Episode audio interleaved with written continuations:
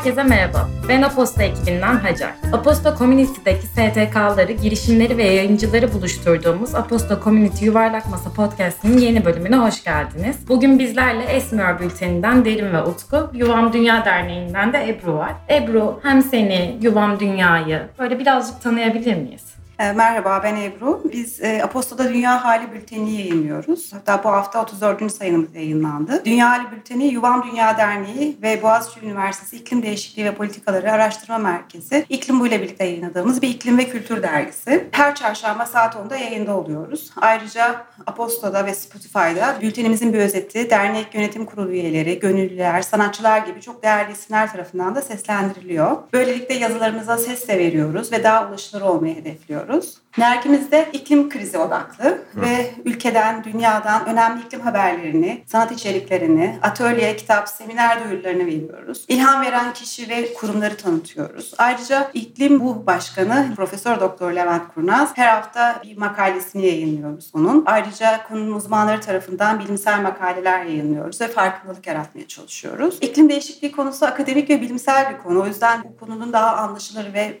toplumun her kesimine hitap etmesi bizim için önemli. O yüzden konuyu farklı açılardan ele alarak herkesin ilgi alanına, öğrenme şekline hitap etmeye çalışıyoruz. Ben de derginin e, yayın organizasyonunda yer alıyorum ve de ayrıca 15 günde bir de konuyla ilgili sanat haberlerini derliyorum. Çünkü sanat bizim için bir umut. O yüzden de dergimizde ve Yuvam Dünya olarak sanatın verdiği umuta çok ihtiyacımız olduğunu düşünüyoruz ve e, bu konudaki haberlere önem veriyoruz. Bültenler konuya ilgi duyan toplulukları bağlılığını artırıyor. O yüzden de bu anlamda Apostol'da olmaktan çok mutluyuz.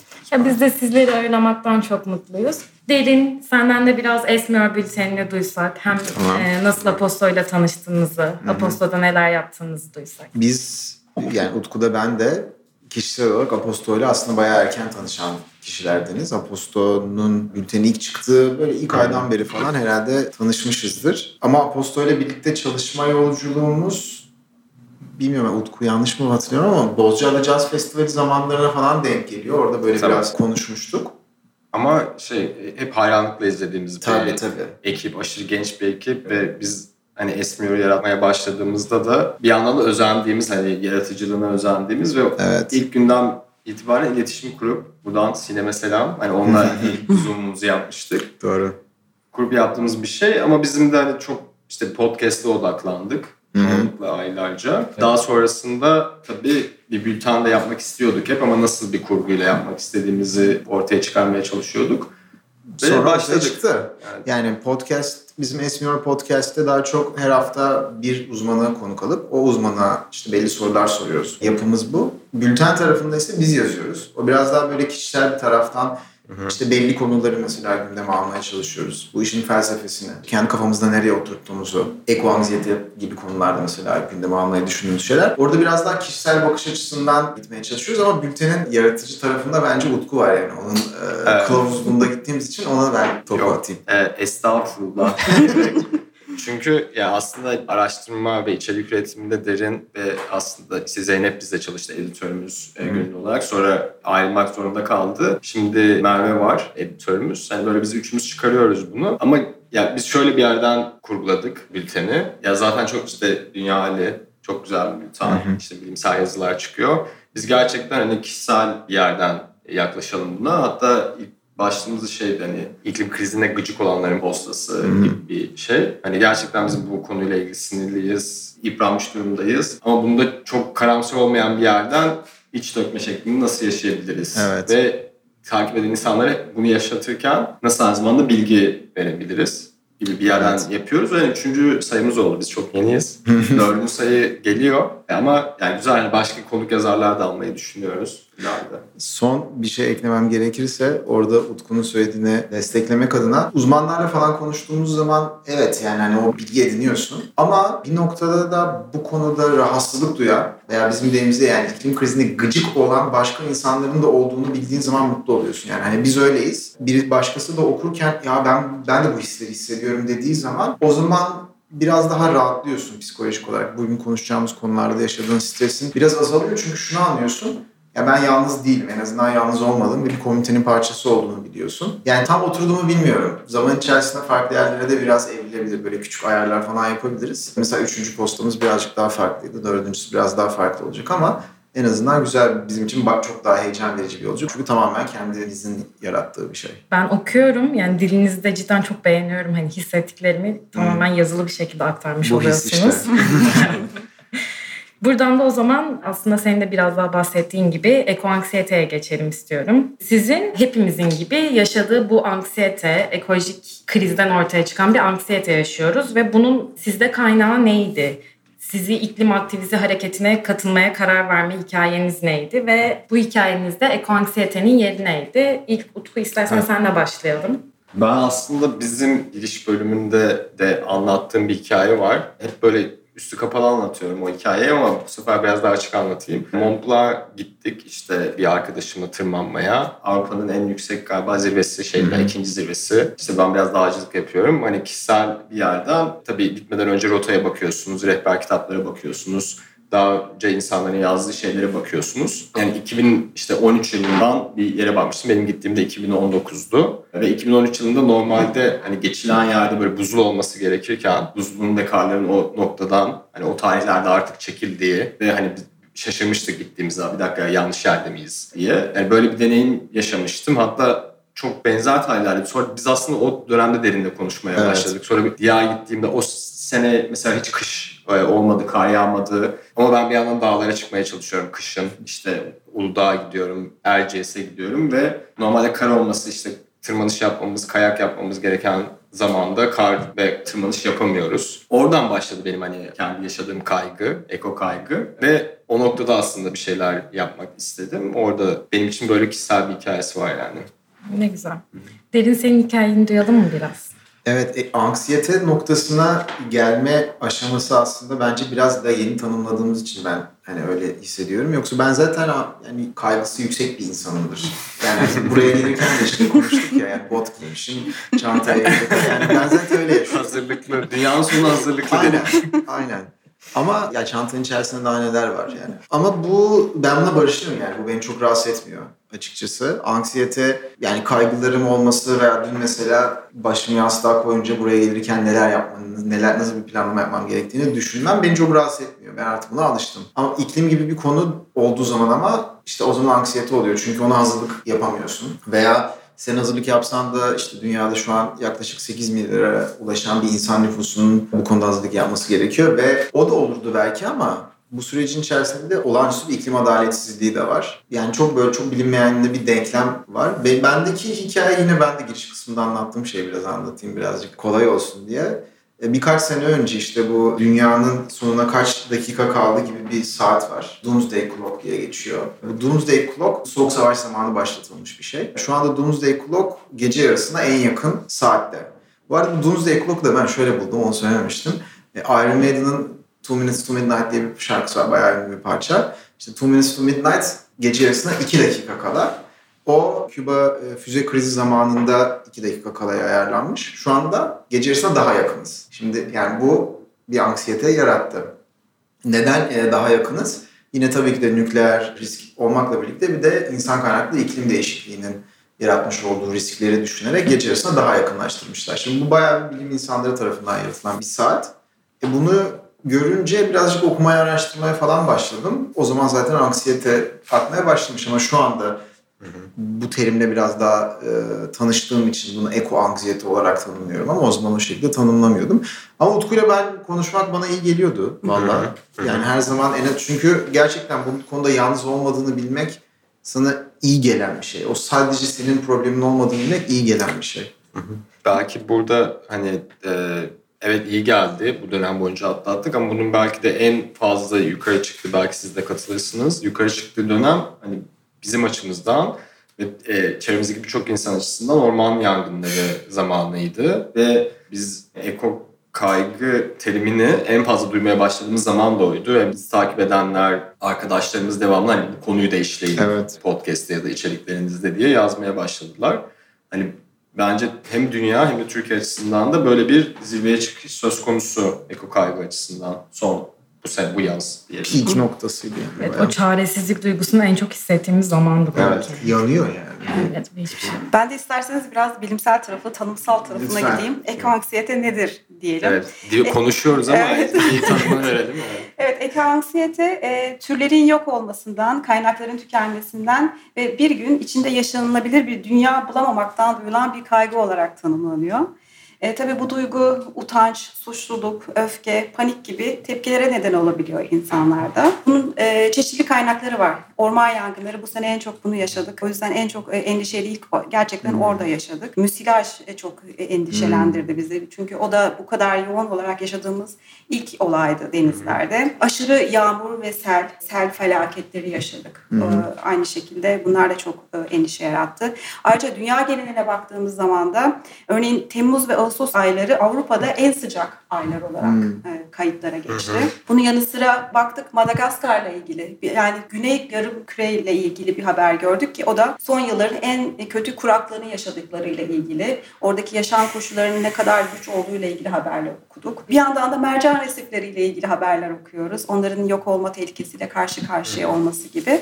İşte bütün bu olaylar o bölgede yaşayan kişileri birebir etkilerken onları hem fiziksel olarak etkiliyor hem ruhsal ve mental olarak etkilerken biz de bu haberleri duyarak da mental ve ruhsal olarak etkilenerek endişe duymaya başlıyoruz. Orada bir de bunlar da tabii ki stres seviyesinin yükselmesine sebep oluyor ve umutsuzluğu ve endişeyi de yaratıyor. Biz Yuvan Dünya'nın bir araştırmasından da bu arada bahsetmek istiyorum ben. Nisan 2021'de bir 15 yaş üstü yetişkinlerle bir araştırma, Konda ile bir araştırma yaptı. Türkiye'de iklim değişikliği algısını işleyen 74 ilde 3022 kişiyle yapılan bir araştırma oldu bu. Burada görüldü ki en çok sağlık ve susuzluktan endişe duyuyor insanlar.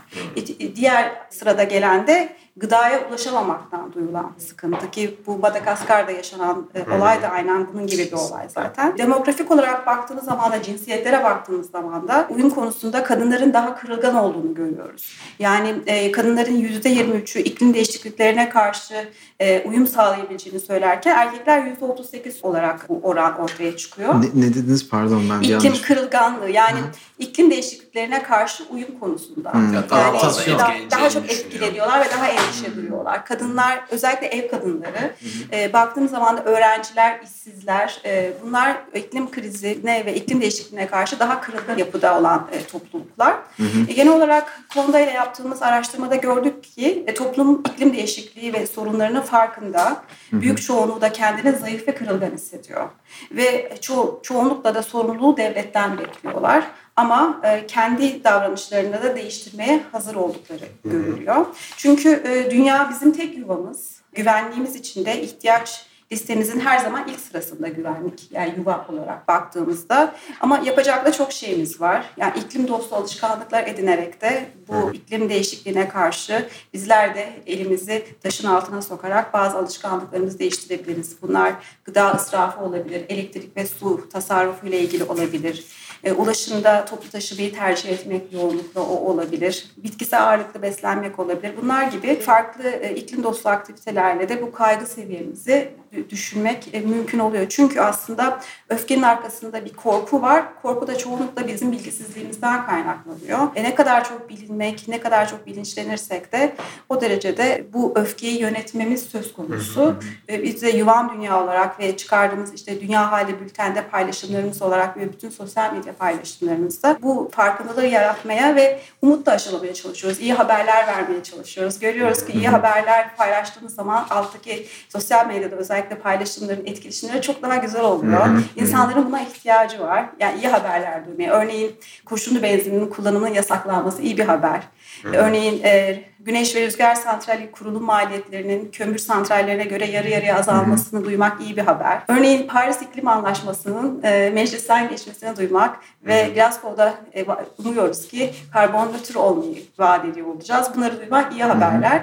O yüzden e, bu anksiyeteyi azaltmak için de bu iyi haberlere ve umuda ihtiyacımız olduğunu düşünüyoruz. Aslında senin de bahsettiğin gibi ben bu ekoanksiyetenin kaynağını araştırırken bir tane kaynağı da bu aşağı doğru haber kaydırma, scrum deniliyormuş. İşte bundan dolayı da insanların anksiyetesi artıyor ama hani bir biraz daha o iyi haberleri görünce anksiyetemiz hani daha çaresiz kalmıyoruz. Evet, evet dünyada iyi şeyler de oluyor diye düşünüyoruz. Bunda da sen de bahsettin işte Z jenerasyonu 18-25 yaş arası en çok eko anksiyetesi yüksek, iklim krizi konusunda bir şeyler yapmak isteyen en yüksek jenerasyon olduğunu düşünüyorum. Olay onlara patlıyor çünkü. evet. ee, bir yandan da hani en fazla genel olarak kaygısı yüksek. Tabii. E, Bence bu çok önemli. Olduğu için hani eko kaygı da onun yanına böyle bir ek olmuş olabilir aynı zamanda. Bu çok önemli. Mesela yani bunu bir parantez olarak söyleyeceğim. Şimdi araştırmalarda mesela erkeklerin daha az kaybı olduğunu anlamış biliyoruz ama maalesef Türkiye'de biliyorsunuz e, iş gücüne katılımlarda erkekler %73'te yani en kronik problemi zaten Türkiye'nin bu. Orada belki onların başka kaygıları da olabilir. Yani şimdi şu, biz hep bunu konuşuyoruz. Bir insanın yarın ne yiyeceği kaygısı varsa 50 sene sonra ne olacağı kaygısını yaşamama ihtimali çok yüksek. O yüzden hani biz en azından hani bu masada oturan kişiler olarak biraz şanslı durumdayız. Bu konuda kaygı bulabileceğimiz noktada. Gençlerde en azından hani üniversite öğrencileri falan olarak baktığımız zaman e, genellikle ona kaygı duyabilme ihtimali olabiliyor. Ama mesela Madagaskar gibi bir ülkeye baktığımız zaman yani kişi başına düşen milli gelir gerçekten 300 dolar falan civarında diye hatırlıyorum. İnanılmaz, gerçekten inanılmaz düşük. Oradaki kuraklık Kaliforniya ile aslında çok farklı olmayabilir. Ama Kaliforniya'nın çok yani dünyanın en büyük 8. ekonomisi Kaliforniya eyaleti. Aslında evet. az önce e, bunun bahsettiği mesele bu Aynen. kırılganlık meselesi. Aynen. Yani e, evet eko kaygıyı herkes yaşıyor. Belli ülkelerde, belli e, sınıflarda, e, ekonomik düzeydeki insanlar. Ama bu kaygının kaynağı olan iklim krizinden en fazla etkilenecekler. O kaygıyı en fazla duyanlar olmayacaklar belki de ya da daha az duyup duymamasına göre değişmeyecek. Neye göre değişecek? Ee, işte gelir seviyesine göre evet. değişecek. Ee, etnik kökenine göre değişecek. Kadın ya da erkek olmasına göre değişecek. Hı-hı. Hani bu bu veriler çok önemli aslında bakarsanız. Hani bu tahlil çok, edebilmek çok belki çok kelimeyle kullandık ama iklim adaleti Hı-hı. meselesi zaten hani şu anda iklim hareketinin en önemli e, mesajı bu. Hani iklim değişikliğini durdurmak ve fosil yakıtların kullanımını azaltmakla birlikte aslında iklim adaletinin sağlanması meselesi çok önemli o yüzden bence. Evet. Aslında bu iklim adaletinin sağlanmasında da işte en fazla kirleten, en fazla bunun değişimi işte daha olumlu yöne gitmesi için katkı sağlamak zorunda hı hı. gibi. Buradan da e, şimdi hem bir yanda bu var, diğer bir yanda da bu sürdürülebilirlik tırnak içinde trendde oldu hı. bir noktada. Hani şirketler hem sorumlulukla hem de trendle böyle beraber bir şekilde bir şeyler yapmaya Hı-hı. çalışıyorlar ve bence eko anksiyeteden de bir noktada böyle avantaj sağlamaya, Aynen. fayda sağlamaya çalışıyorlar. Yani evet. Yani, İsim vermiyoruz değil mi bu arada? İsim vermiyoruz. yani şöyle ben Netflix'te Patriot... yok yok. Bir, bir şeyden... Ee, Netflix'te Patriot Act diye bir tane böyle talk show evet, gibi evet, Hasan Minaj. Aynen. Orada da bir tane bölümde bu fast e, fast clothing, fast fashion, fast fashion, industry rising, e, hızlı moda yükseliyor. Hı-hı gibi bir bölüm vardı. Orada da şeyi görüyoruz işte. Yani ben onu izleyene kadar farkında değildim. Hani çok aslında bildiğimiz o tekstil şirketleri bize sürdürülebilirlik, yok iklim yanlısı gibi eco-friendly gibi böyle etiketlerle bir şeyler satıyorlar. Hı-hı. Ama işte faaliyet raporlarına baktığımızda Hasan Minaj orada çok güzel anlatıyordu. Hani ilk 100. sayfada Aa biz birazını geri dönüştürüyoruz. İşte 200. sayfada biraz mı dedik? Onun da birazını 300. Etiketini sayfada. falan sadece geri dönüştürüyoruz. evet, yani. aynen. Evet. Çoğunlukla da bir koleksiyon hazırlıyorlar. Evet, etkilemek için sadece ve sonunda anlıyorsun ki hiçbir şey dönüştürmüyorlar. Daha da atık bırakıyorlar gibi. Bu noktada şeyi sormak istiyorum aslında. Biz yani e, bu ekoanksiyeteyle baş, baş etmeye çalışan bireyler olarak bu tarz şirketler karşısında ne gibi önlemler alabiliriz? Yani nasıl bir bilinçli tüketici olabiliriz? Bu yeşile boyama aslında bir noktada onu da böyle tanımından bahsedersek. Hı Yani yeşile boyama karşısında nasıl aksiyonlar alabiliriz? Bence... Ben tanımı o zaman evet, vereyim. Greenwashing e, çevre duyarlılığı e, vaadi yapan ve ürünlerinin organik ürün olduğunu söyleyen firmaların aslında üretim süreçlerinde bu vaatlerinden çok uzak olması olarak tanımlanıyor. Öyle ki tüketici taleplerine göre kampanyalarını, pazarlama kampanyalarını, reklam kampanyalarını, paketlemelerini ve sloganlarını e, bu vaatlere göre organize ediyorlar. Benim düşünceme göre iyi birer tüketici olmamız ve etiket okumayı iyi öğrenmemiz gerekiyor. Aslında bütün bilgiler hepimizin ulaşabileceği yerde. O bilgilere e, ulaşabilmemiz çok kolay ve etiketleri de rahatlıkla da okuyabiliriz. Yani sorumluluğu bizim e, tüketici olarak almamız çok önemli olduğunu düşünüyorum ben de. Ben de bazı firmalar açısından red flag ne, ne, ne ona? Ben kırmızı bayrak diye Kırmızı bayrak diye çeviriyorsun tamam. Kırmızı bayrak kaldırmak. Hani evet kırmızı bayrak yani bazı benim açımdan öyle. Hani bir etiketi okuyabilirsiniz dediğiniz gibi hani nasıl üretilmiş, hangi süreçlerden geçmiş. Onlar da yazmıyor ya tabii ki birçok e, üretilen firmada. Ama bazı markalar var isim vermiyoruz. hani onların zaten yani yeşil boyama, greenwashing yaptığı o kadar belli ki hani bazı yani e, şey komik örnekler oluyor böyle hani işte hepimizin bildiği bazı moda markalarının yılda 15 kolek koleksiyon olayı bile kalktı. Yani 15 kere e, mağazadaki Hı-hı. ürünleri değiştirip ondan sonra işte oraya bir tane şey koyup e, geri dönüşüm kutusu koyup işte eski şeylerinizi buraya atabilirsiniz ve o geri dönüş attığınız kutudan çıkanların da aslında geri dönüştürmediğini öğrenmek ama bir yandan hani bunun sürdürülebilir olduğunu ve buna göre bir reklam e, kampanyası o çok bariz bir şekilde görünüyor. Hani birçok insan da bunu görüyor zaten Hı-hı. bence. Birçok firma açısından geçerli bu. Ama gerçekten de mesela hani e, şu anda çevreyi kirleten diyelim. Hani yani zaten yaptığımız her şey bir şekilde çevreyi kirletiyor. Hani insanoğlu olarak. Var olarak bir şekilde karbon ayak izimiz var. Hı hı. Ee, ama belli bir şekilde bu üretim süreçlerini değiştirmeye çalışan birçok firma var ve gerçekten gerçek adımlar atıyorlar. İşte Birleşmiş Milletler'in sürdürülebilir kalkınma hedefleri doğrultusunda adımlar atıp bazı değişiklikler yapmaya çalışıyorlar üretim süreçlerinde. Ben genelde şeyle gidiyorum. Gerçekten o firmaya bakıyorum. O gruba bakıyorum. Hani gerçekten ne yapıyor?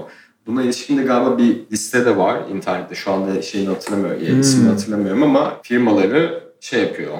Ge- geçen çünkü spor ayakkabı alacaktım. Hmm. Ee, mesela evet 4 seneden sonra. Zaten arkadaşlar almayın. Az alın. Zaten ben de onu söyleyeceğim. evet az alın. Hani almayın ama alacaksınız. İşte ben de işte 4-5 sene kullandım tek bir spor ayakkabı. Şimdi bir tane spor ayakkabı alacağım. Şimdi hangisi bakıyorum firmalara nereden en iyisini bulabilirim diye. Bunu ratingleyen, derecelendirme veren internet siteleri var. Hani böyle bariz e, büyük firmalarla ilgili böyle şeyler var. Tabii ki burada da şey tercihi ortaya çıkıyor. Kişisel tüketim açısından.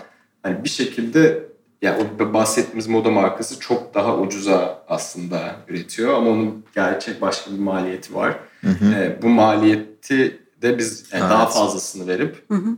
bazen bazı evet. durumlarda hani onu karşılamak durumundayız. Çünkü hani biliyoruz ki o aldığımız yani 40 liraya indirimden aldığımız tişörtün e, gerçek maliyeti 40 lira değil. Yani çok daha çevreye maliyeti var ve hatta yani hani tükettiği işte, su özellikle su Hı-hı. maliyeti, su ayak izi e, aynı şekilde belki de hani başka sömürülere de dayanıyor. Tabii tabii. Tabii daha dezavantajlı insanların emeğini de sömürüyor aynı zamanda maalesef. Kesinlikle. Ben de tam olarak bıraktığım noktadan alacaktım. Yani bu tüketimcilik yani consumerism konsepti özellikle 1900'lerin başından başlayan.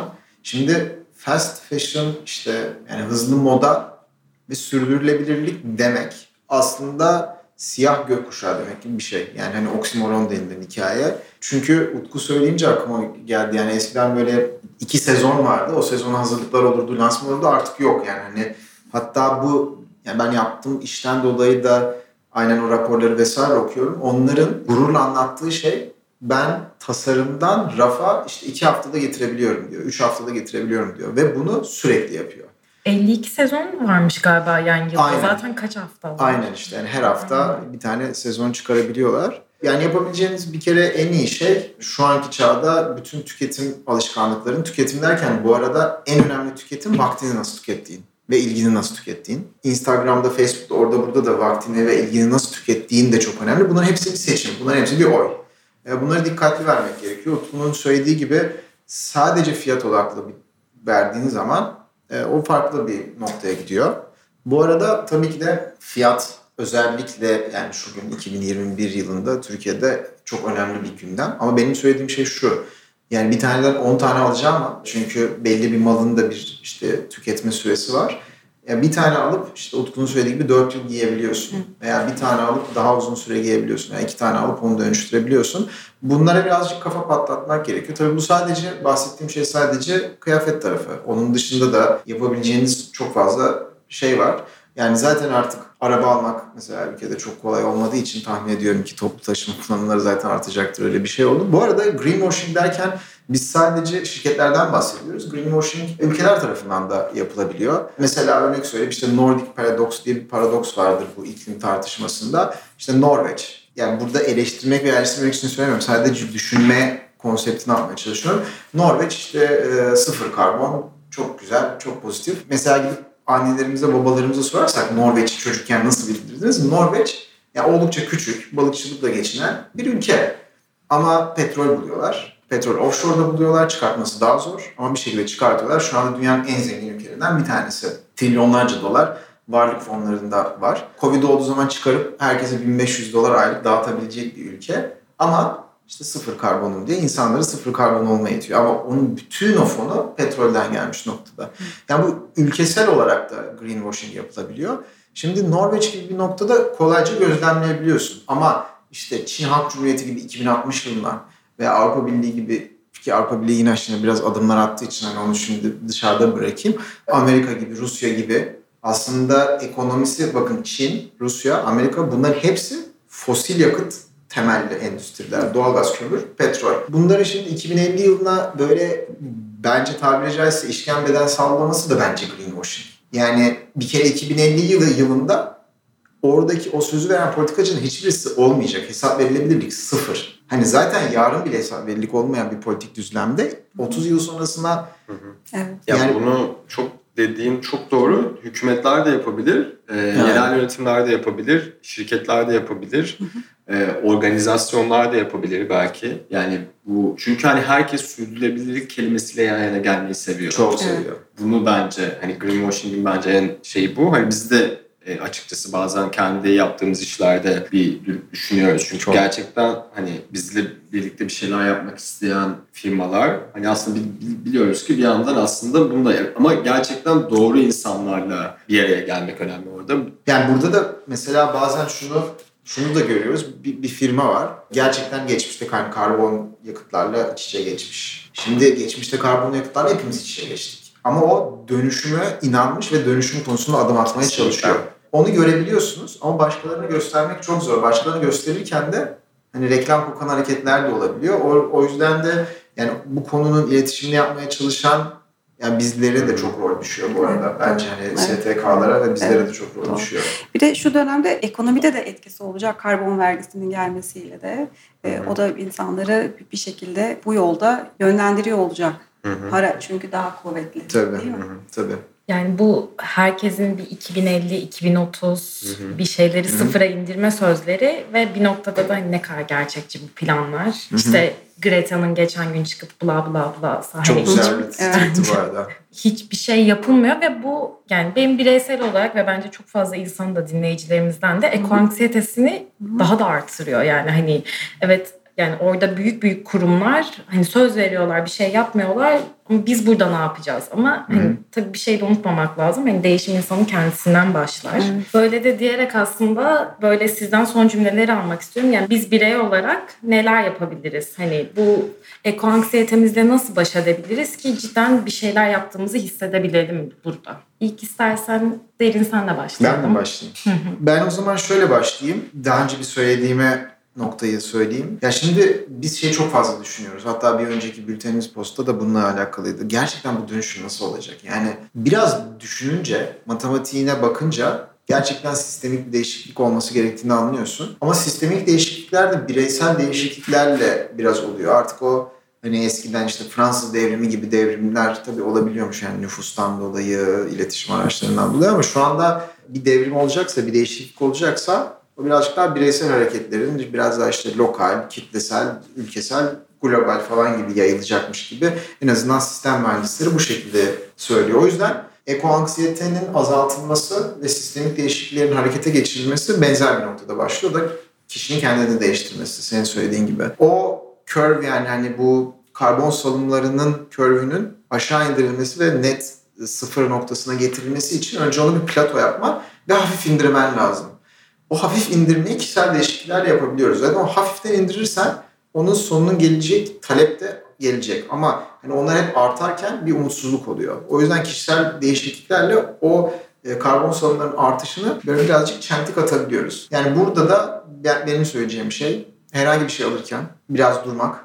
Yani benim mesela 2022 sene hedefim. Bir şey alacaksam onu alma isteğim bende oluşunca 3 gün bekleme süresi vereceğim kendime. Amerika'da bazı eyaletlerde silah satışına ilişkin yaptıkları düzenlemeyi kendime uyguladım. Geçen gün podcastinizde dinledim. Hani evet. cidden yapmaya başladım hayatımda Öyle ve daha, daha az tüketiyorum yani ve kesinlikle. Yani o pazarlamacıların impulse purchase dedikleri Hani böyle markette giderken veya bebek bezi standının yanında jelibon satarlar mesela. Hani onun gibi olacak iş değil bu arada o da. Onun gibi o tepkisel satın almaları azaltmak için ben böyle bir şey yapacağım mesela. Güzel.